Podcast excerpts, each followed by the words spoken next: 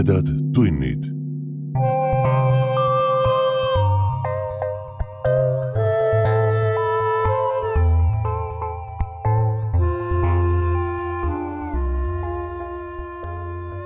tere, hea ulmesõber. sa hakkad kuulama õudus- ja ulmejutu vestmis podcasti Tumedad tunnid neljakümne esimest osa. mina olen saatejuht Priit Öövel.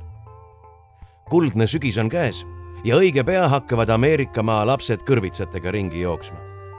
etteulatuvalt saab öelda, et oktoobri lõpus saate kuulma ka ühte Halloweeni teemalist lugu. aga selleni läheb veel veidi aega. tänase loo saatis meile taas kord ulmeajakiri Reaktor ja lugeda saate seda sealt juba oktoobri viimastel päevadel. esimesena kuulete seda aga siit. ma loen teile Kathleen Tamme apokalüptilise ulmeloo Tippkiskja.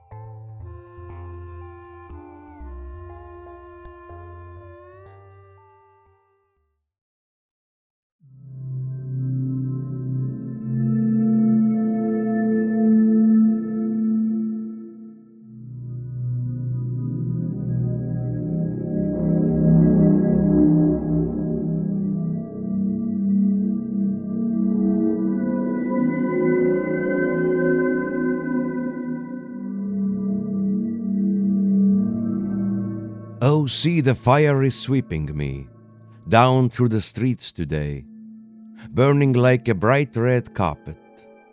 Another fool who lost the way. kui Jason ärkas, oli juba pime.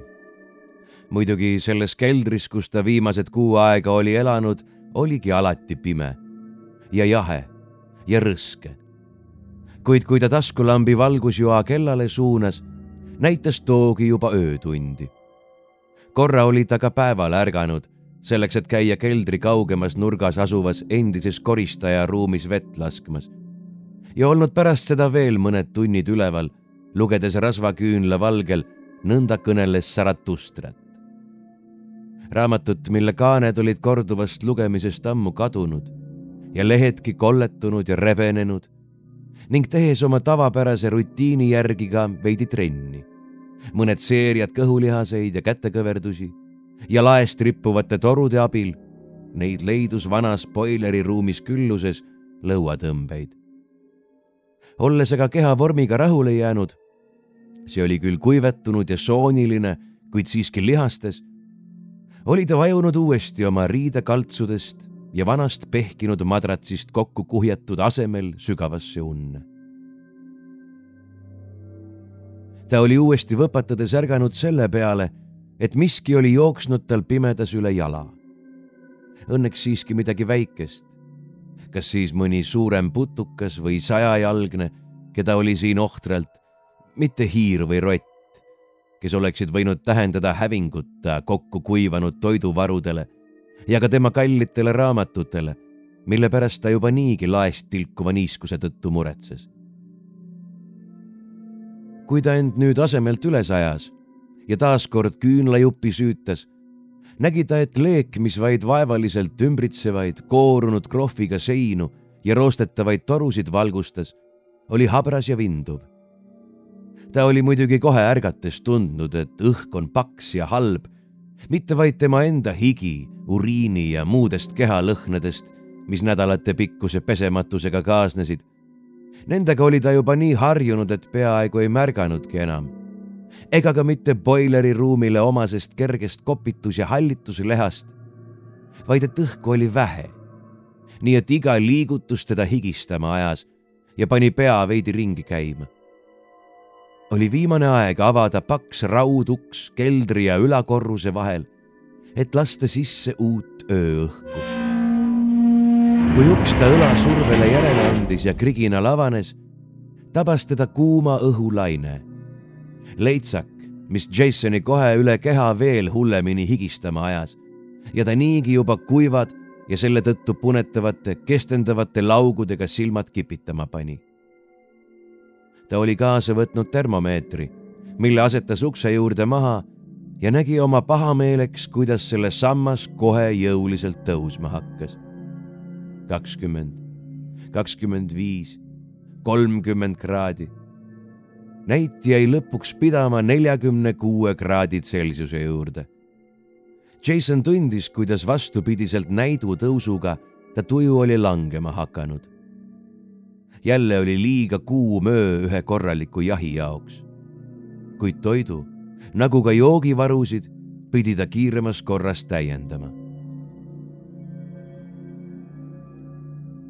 kui ta loiult ja masendunult trepist alla vantsis kuum ta järelkandu limpsates üle astmete voogamas, meenus talle, et ta pole veel tänast tabletti võtnud. kohe pidi ta öö muutuma helgemaks. kuid enne, kui kõik asjad oleksid liiga kauniks moondunud, tahtis ta näha, mis seisukorras on päriselt ta nahk.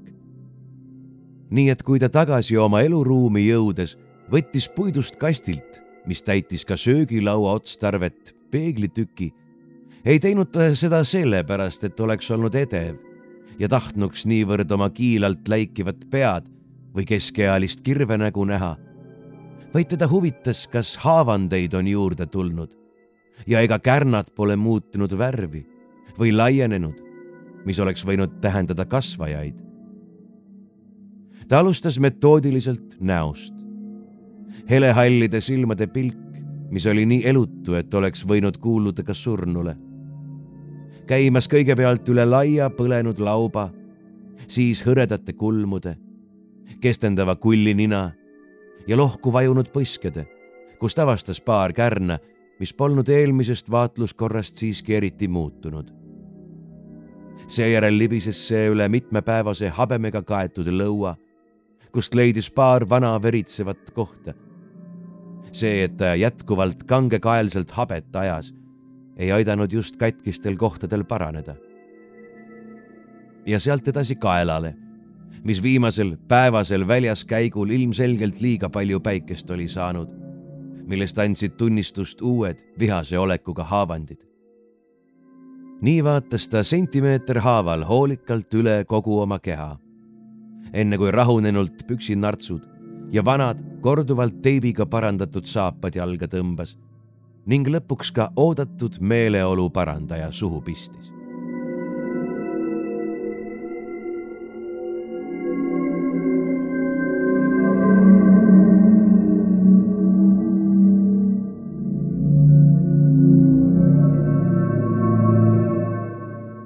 Ta otsustas, et selle öö esimene käik saab olema vee järele, millega seis oli juba kriitiline.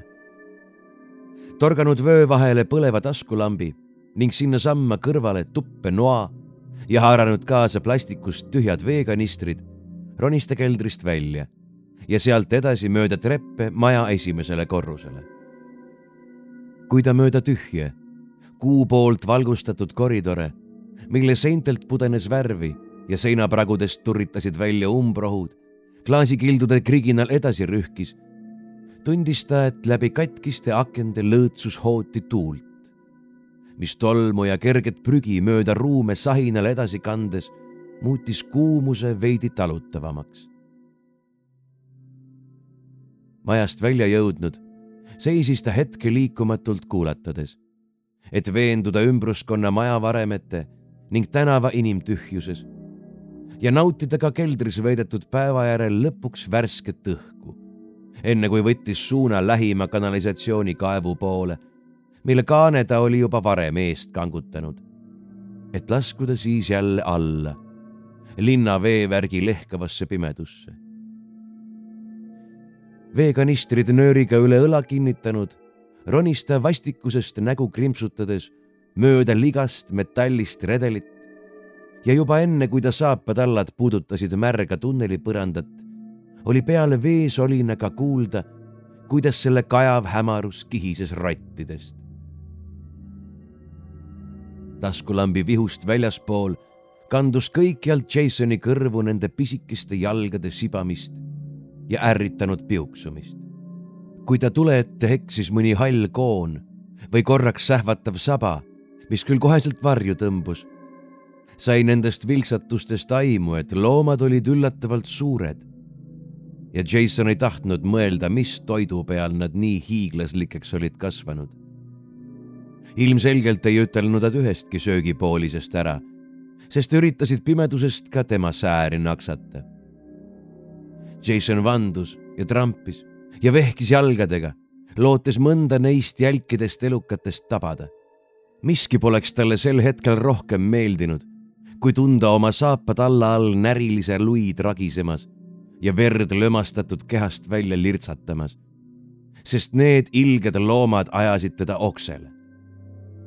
kuid ta teadis, et kui tänane jaht peaks ebaõnnestuma ja juhul, kui ta muidugi selle öö üldse üle elab, tuleb tal võib-olla enne hommikut ronida tagasi siia alla ja püüda mõned neist kinni.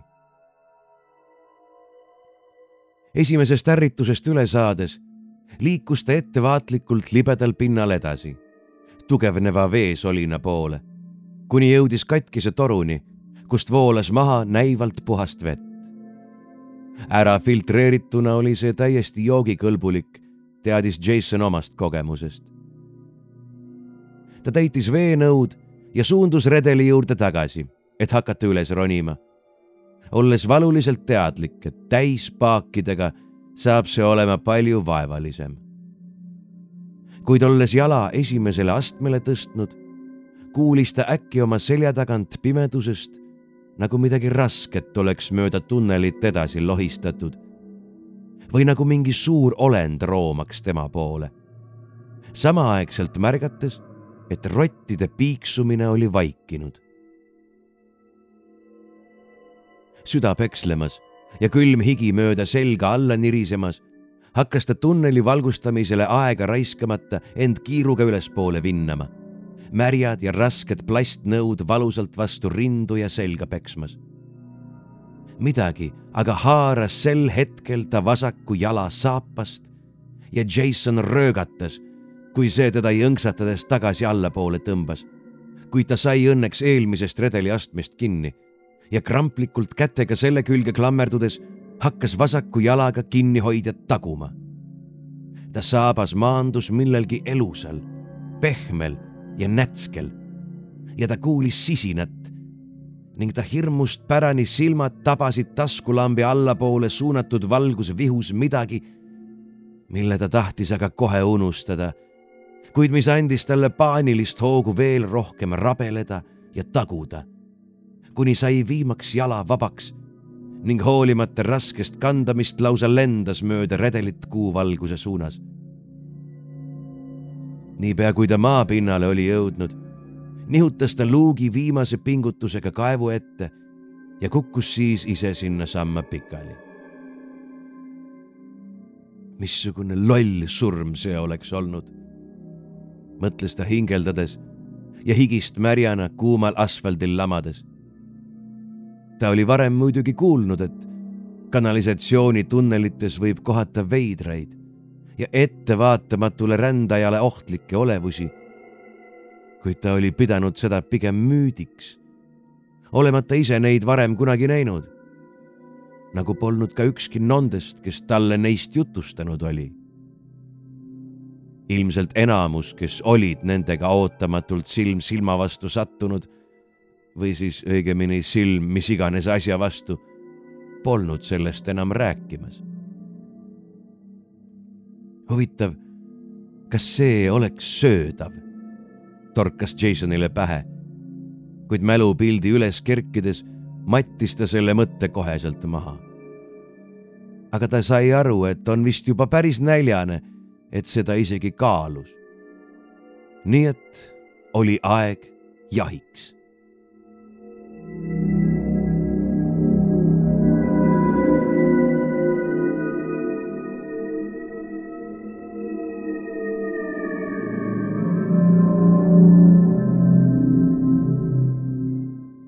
Jason mäletas veel linnu enne sõdu. ta võis kujutleda, millised olid olnud nüüdseks petlikult vaiksed ja näiliselt tühjad tänavad. kuuvalguses kalbed ja mahajäetud, tuultest luitunud hooned oma tumedalt haigutavate ukseavade ja kõrgusesse tõusvate tühjade akende ridadega enne, kui olid langenud pommid, mis olid osadest linnadest järele jätnud vaid ahervared ja rusuhunnikud millised olid siis sõiduteed, enne kui asfalt päikese tulise pilgu all pehmeks muutus.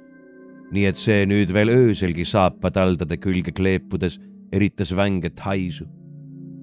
või millised olid kunagi selle nätskesse massi vajunud, hüljatud, roostetavad autoromud, nende põlenud karkassid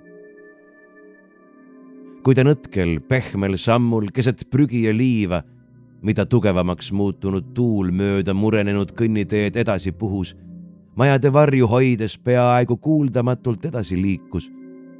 ei suutnud ta jätta jälle kord mõtlemata, kuidas nad küll selleni olid välja jõudnud.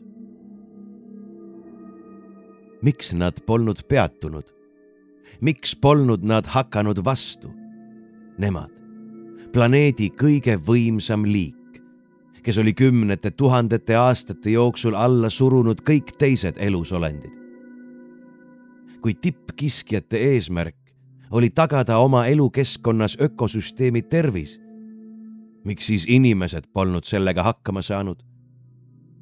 miks polnud nad takistanud nende endi loodud ja käima lükatud masinavärki, mis nende elud oli järk-järgult üle võtnud et viimaks siis purustada. Mitmed sajad aastad olid möödunud juba ajast, kui Rooma klubi, tippteadlaste grupeering oli esmakordselt avaldanud aruande inimkonna arengu piiridest. kuid see oli jäänud vaid kitsa teadlaste siseringi erahuviks ja muutunud aja jooksul poliitilisteks sõnakõlksudeks. kõik need kasutud petitsioonid ja meeleavaldused mis sumbusid süsteemi bürokraatias midagi muutumata. Nad olid nii harjunud vaikse hävinguga, et kui ajakirjanduses kuulutati järjekordsest välja surnud loomaliigist, siis ei pannud keegi seda enam tähelegi. mingisugune pisinäriline troopikas suri välja. miks see peaks teisel pool maakera elavale inimesele korda minema?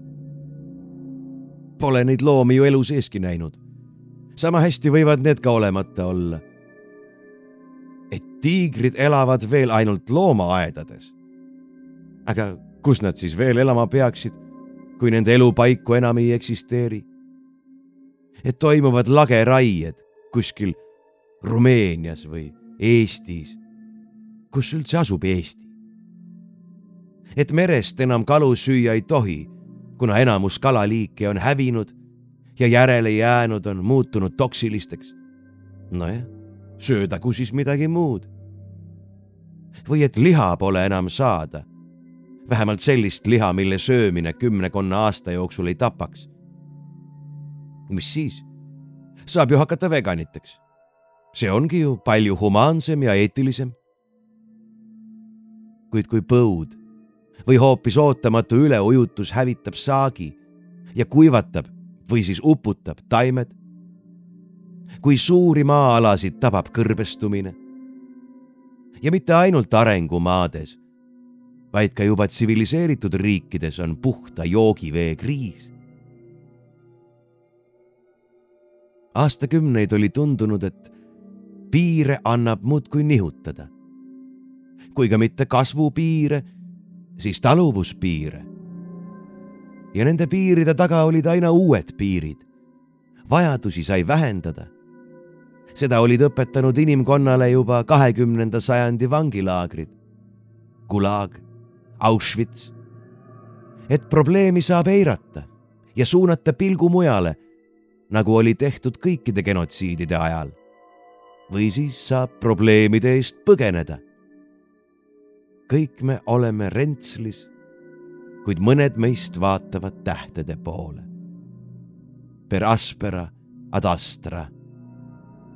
Üritada põgeneda kosmosesse või vähemalt ajutiselt virtuaalreaalsusesse. kui aga ekraanidelt nähtavad uudised viivad meeleolu alla või rakett ikka veel uuele tõotatud maale ei stardi, siis palun, siin on sulle tablett Pole vahet, kas punane või sinine. mõlemad viivad jänese urgu, maapealsetest probleemidest kaugemale.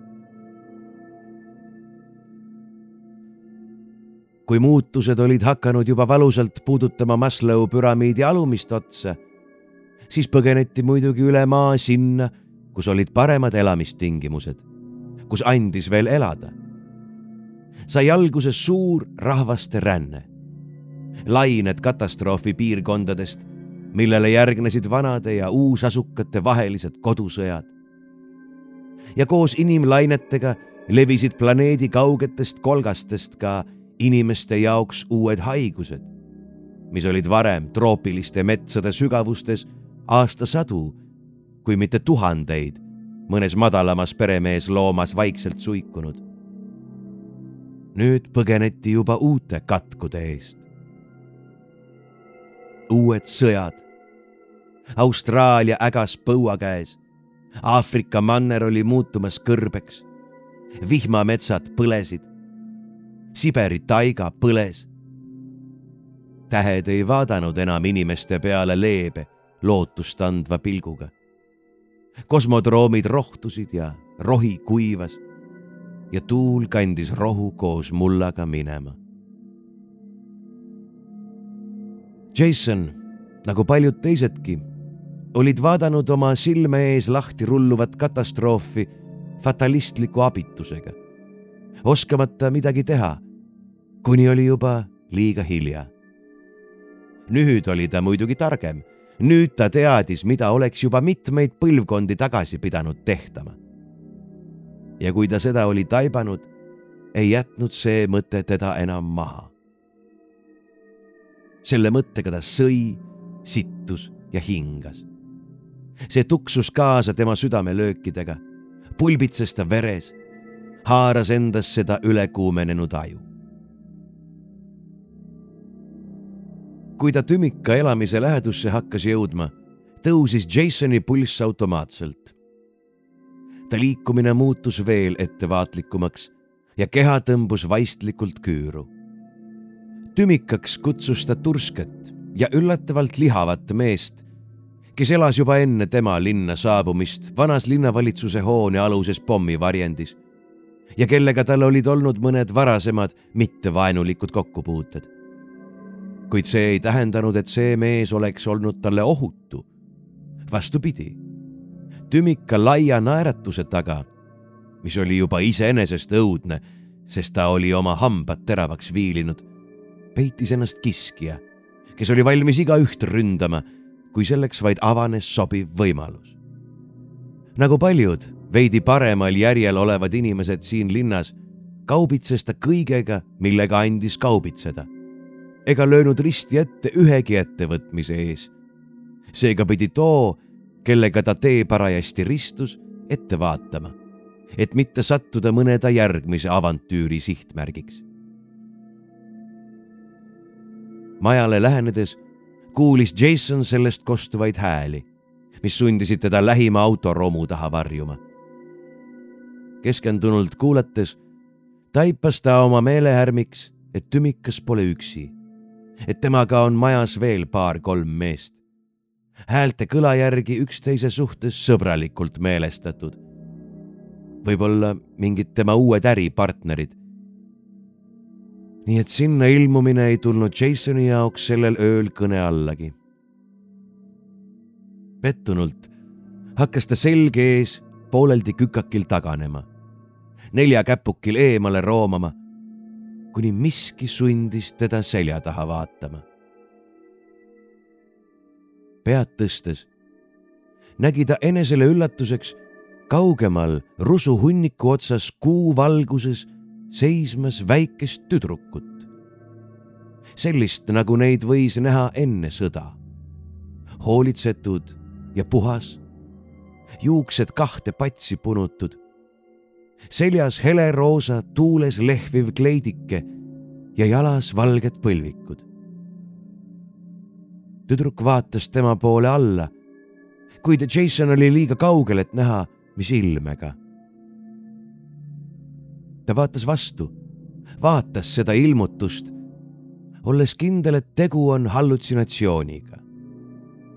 niisuguseid lapsi polnud enam olid päikesest põlenud mustuse korrast ja päevitusest tumedaks tõmbunud väikesed vilkad rotilaadsed olevused, kes liikusid vaikselt nagu viirastused, kambakesi ja pimeduse varjus, peites oma räbalate all teravaid nuge, naaskleid, kruvikeerajaid ja kõike muud, mida sai relvana kasutada. Jason oli mitmeid kordi võpatades ärganud päevaunest, kus oli näinud neid keldrinurkadest lähenemas ja teravikud löögivalmis tema aseme ümber koondumas.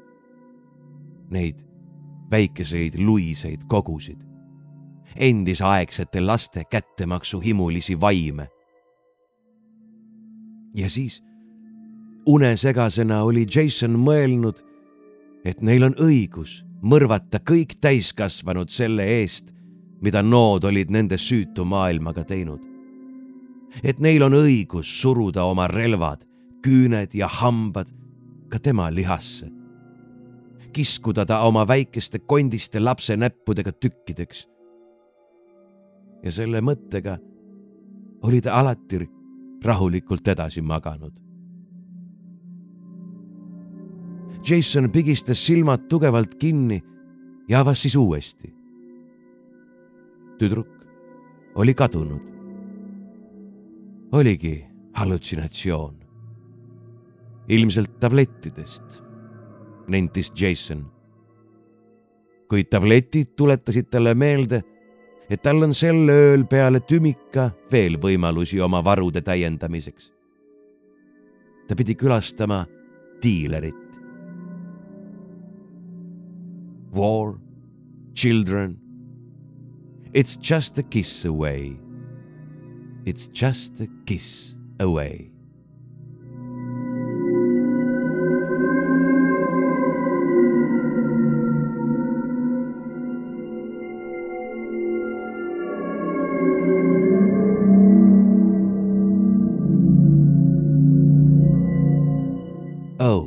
See the storm is threatening my very life today. If I don't get some shelter, yeah, I'm gonna fade away. tuul muutus iga hetkega aina tugevamaks, tekitades tänavatele liiva ja prügipööriseid ning taevas tõmbus vinesse, millest kuuvalguski ei suutnud enam hästi läbi tungida. Jason teadis, mida see tähendab ja kiirustas seetõttu kaotas ta ilmselt ka osa oma tavapärasest valvsusest. nii et kui ta oli jõudnud juba peaaegu siseneda endisesse suurejoonelisse pangahoonesse, mis peitis enese sügavustes diileri urgu, kunagist hiiglaslikku šeifiruumi, kuulis ta liiga hilja liikumist oma vasakul küljel. ja järgmisel hetkel tundis ta metalltoru külma oma kuklal diiler oli välimuselt täielik tümika vastand. lühike, kitsa kärnas näoga väike vilgas mees, kelle äratuntavaks välimuse omaduseks oli üks puuduv kõrv, mille mehe enda jutu järgi olid ta laksu all olles ära söönud rotid. Jason hüüdis teda diileriks, kuna oli vahetanud ta käest viimase kuu jooksul endale korduvalt tablette. kuigi tegelikult sai tema käest kõikvõimalikku kraami alates nii süütutest ja vajalikest asjadest nagu patareid ja konservid, lõpetades aga juba ohtlikumate tulirelvade ja laskemoonaga või millegi nii kahtlasega nagu rasvaküünlad, mille kohta levisid kuuldused, et need on valmistatud inimrasvast. see viimane kõlakas oli osa diileri kurikuulsast reputatsioonist mida aitas ka kõige kriitilisema kuulaja jaoks põlistada ta relvaarsenal, tehes muidu pealtnäha suhteliselt ohutu mehe võimatult ohtlikuks. asja ei teinud paremaks ka see, et ta meeleolu kippus liigsest tablettide pruukimisest kiiresti ja ootamatult vahelduma, muutes ta seejuures väga paranoiliseks. nii et temaga kohtumine oli nagu granaadi käes hüpitamine mis võis vähimagi vääratuse juures lõppeda plahvatusega. sa tundud täna kuidagi ärev, ütles Jason nii rahulikult, kui selles olukorras võimalik. ärev? ei, ärev on vähe öeldud. ma olen sitaks närvis mees. keegi raisk luurab juba öid mu pesa ümber. ma olen teda pimedusest kuulnud. kuid too on väle. Iga kord, kui mul õnnestub ta peidukoht välja peilida, on ta juba edasi liikunud. see raisk himustab mu nodi, ma tean seda diiler langetas tõrksalt oma sihikuga jahipüssi, nägu tõmblemas. Jason märkas tema vööl kabuuris ka klokki.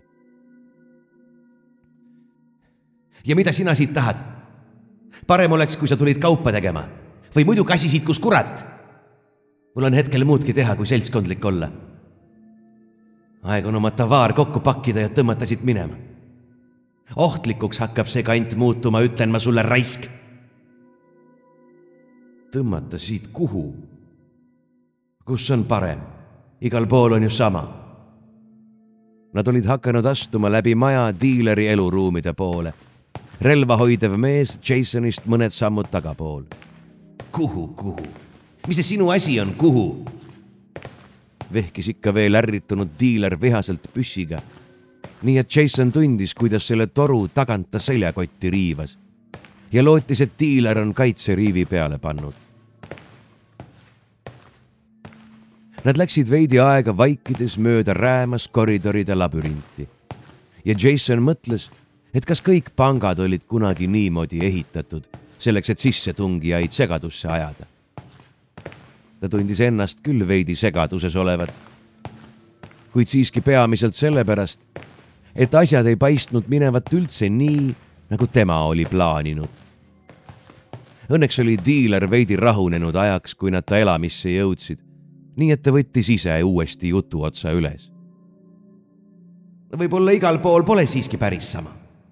räägitakse, et kaugel põhjas on kuplid, hiiglaslikud kuplid, mille all on terved linnad, terved riigid kliima eest kaitstud, täiesti omaette ökosüsteemid. inimesed, loomad, linnud, putukad, taimed, kõik, kõik nagu vanasti ei mingit kuumust, kõik on ventileeritud, reguleeritud. kui tahad, tuleb vihma, kui tahad, puhub kerge tuuleke. diiler naeratas nukralt.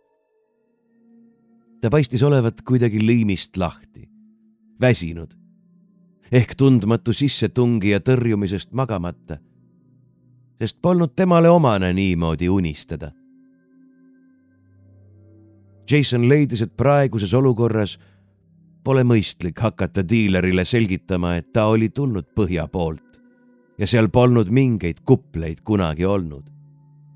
et selle asemel haigutasid laialdased osooniaugud, mille järelmõjusid tundis ta oma nahal senini. Ta vaikis, pannes pungis seljakoti demonstratiivselt enese ette maha. diiler hindas seda silmadega. noh ja mis siis sind täna siia toob? mis sul vaja? veel tablette või midagi põnevamat? küsis diiler juba peaaegu sõbralikult, olles toetanud relva kabapidi maha. Mul on ühes keldris paar kinni püütud naist. ammu mõtlen, kellele võiks ühe neist maha parseldada.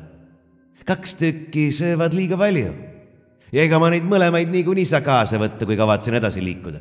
tahad? mitte eriti. praegu oleks mul liha vaja. liha vaja?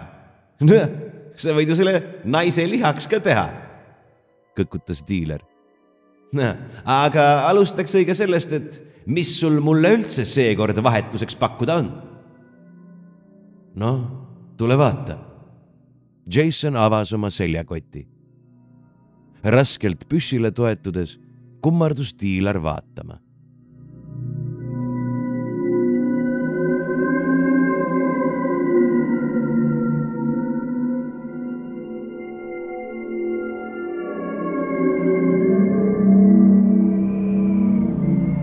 tugev tuul oli vahepeal muutunud rajuks ja viimnegi kuuvalgus kadunud.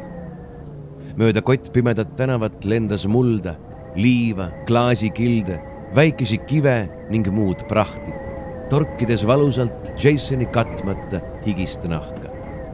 ja oli vaid aja küsimus, millal hakkab lendama ringi suurem ehitussodi, millega kokkupõrge oleks võinud saada juba saatuslikuks.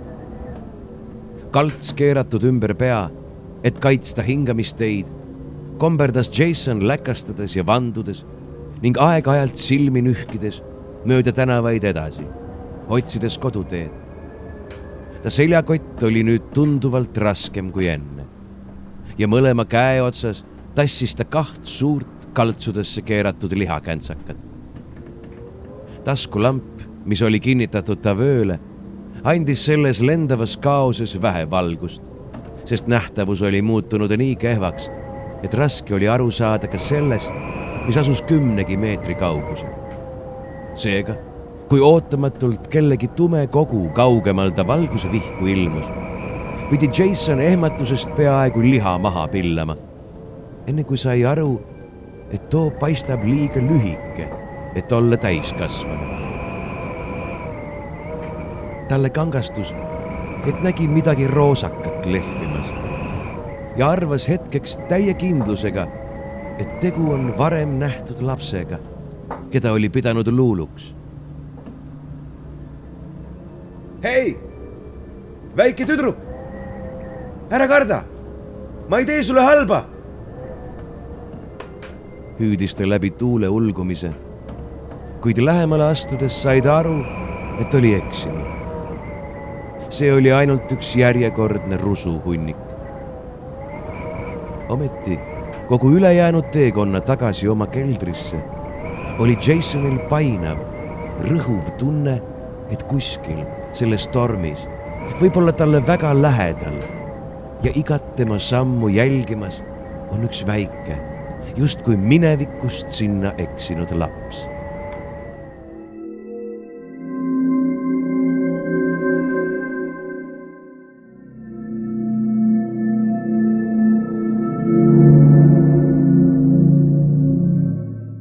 Torm kestis üle pooleteise nädala.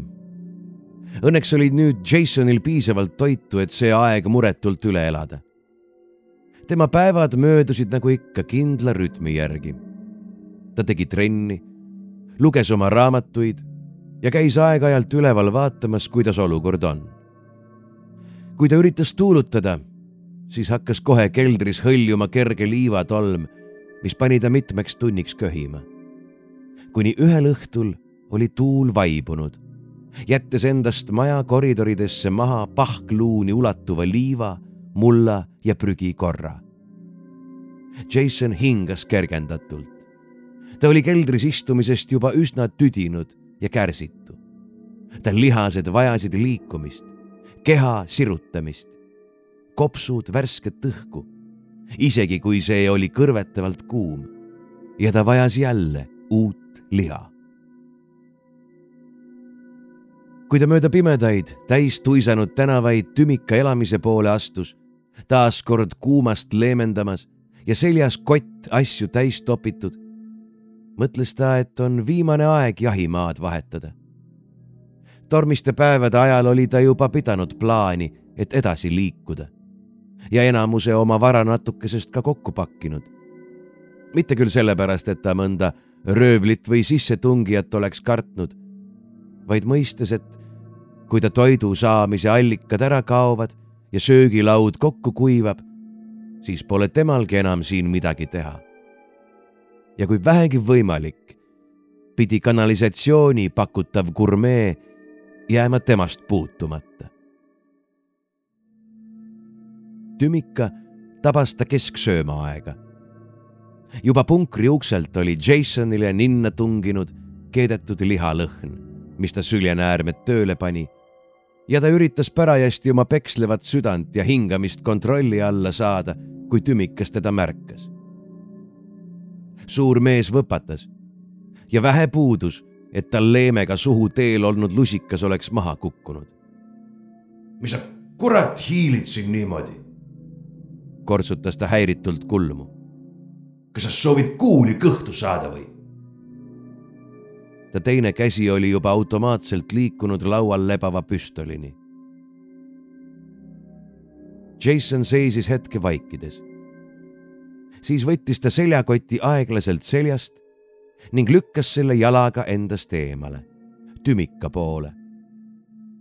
ta laiutas käsi ja pööras korraks ümber oma telje, et näidata, et ta pole relvastatud. Tümikas põrnitses teda veel hetke, kuid siis ta kogukas keha lõdvestus ja ta tõstis uuesti lusika, et jätkata söömist. ta lai nägu läikis heast toitumusest. kunagi ei saa liiga ettevaatlik olla, luristas ta suppi. diilerit tead? toda venda seal pangamajas, seda tablettidest umbe tõmmanud äh, narkarit. Ikka tean. Jason tammus jalalt jalale, pulss trummeldamas kõrvus kui ta üritas mulle viimati oma poolsurnud eitesid maha ärida, siis muudkui jaurus, et keegi luurab teda.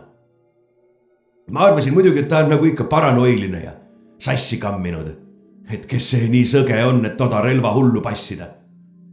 rääkis tümikas suutäite vahele. Jasoni tähelepanu oli tõmmanud midagi roosat punkri sügavuses. aga nüüd, pärast tormi põikasin tema poole sisse ja tead mida? mida? Jason üritas pilku teritades aru saada, mis see oli.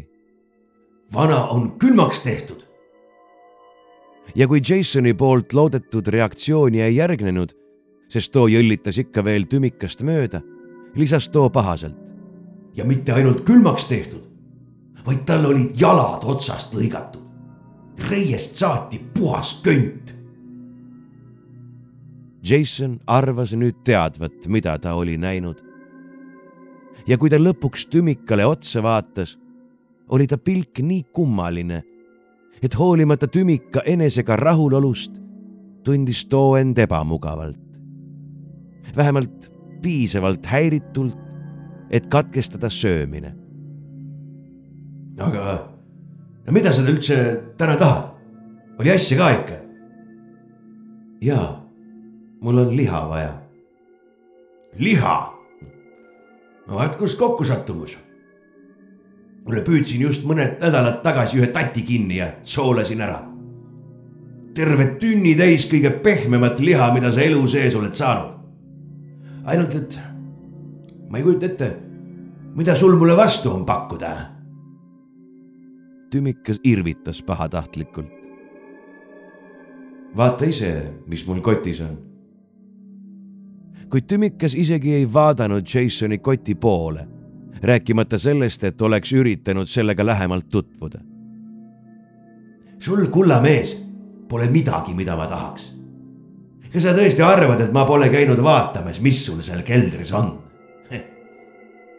Tümikas irvitas, koukides oma teravate hammaste vahelt lihajäänuseid.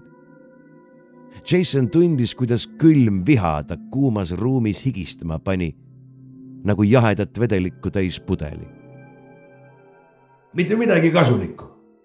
elad nagu rott, ümberringi ainult mingi prügi ja pahm. ladustad pehkinud paberit.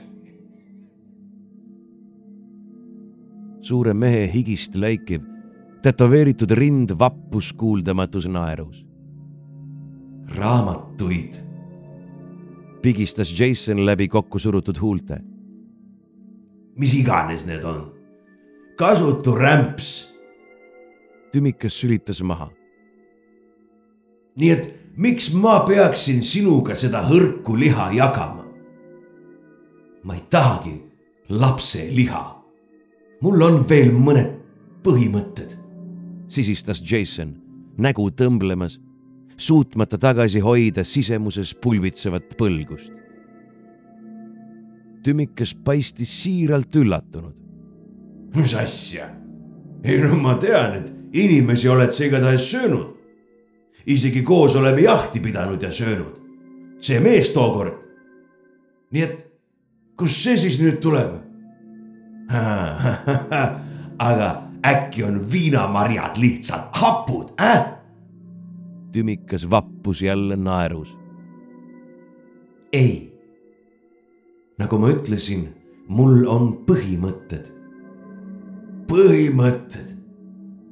tümikas raputas etteheitvalt pead. praeguses maailmas lähevad need põhimõtted sulle kalliks maksma. ma isegi ei kujuta ette, kuidas sa senini oled oma põhimõtetega ellu jäänud. peaksid juba ammu olema nälga surnud. toitud rottidest. ei, ei, ära parem vasta, ma ei taha teada. ajad mul söögiisu ära. tümikas väänutas nägu, nagu hakkaks tal paha kuid kui Jason seepeale midagi ei öelnud ja seisis nagu post, näol ilme, mida võis tõlgendada vaid kui kõrkust, hakkas tümikas vihaseks saama. ta käratas. kuradi üle su põhimõtted. sust polegi muud järel kui moraalne üleolek. sa rott, kokku kuivanud inimvare.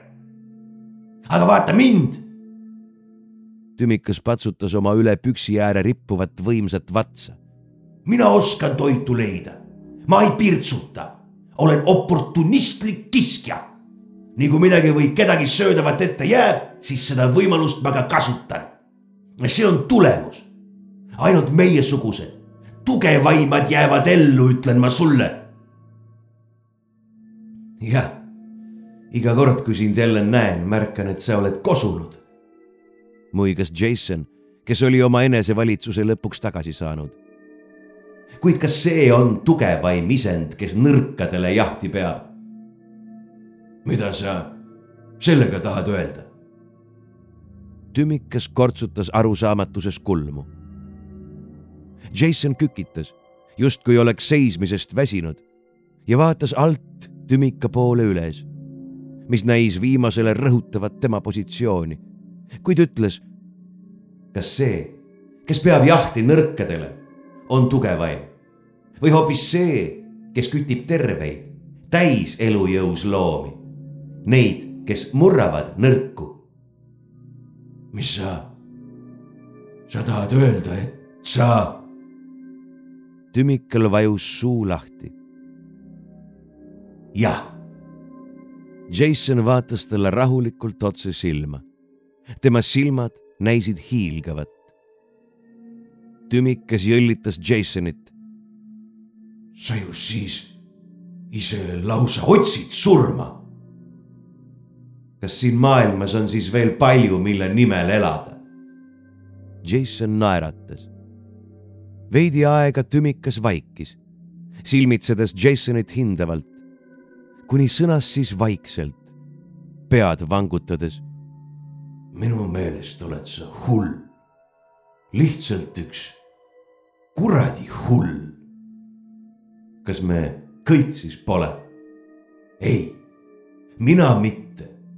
Ma oskasin elada enne sõda, jäin sõjas ellu ja elan hästi ka selles uues maailmas.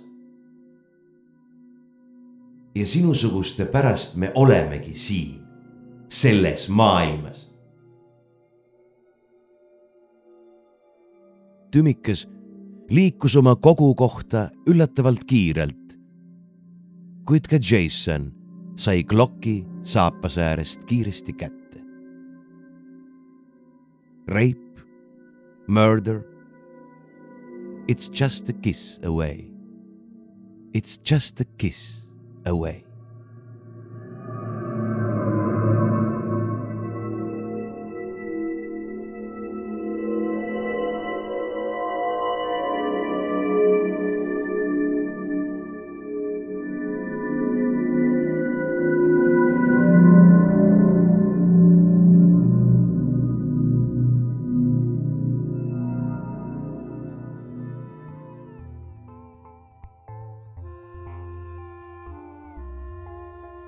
Kuulsite Katliin Tamme ulmelugu Tippkiskja.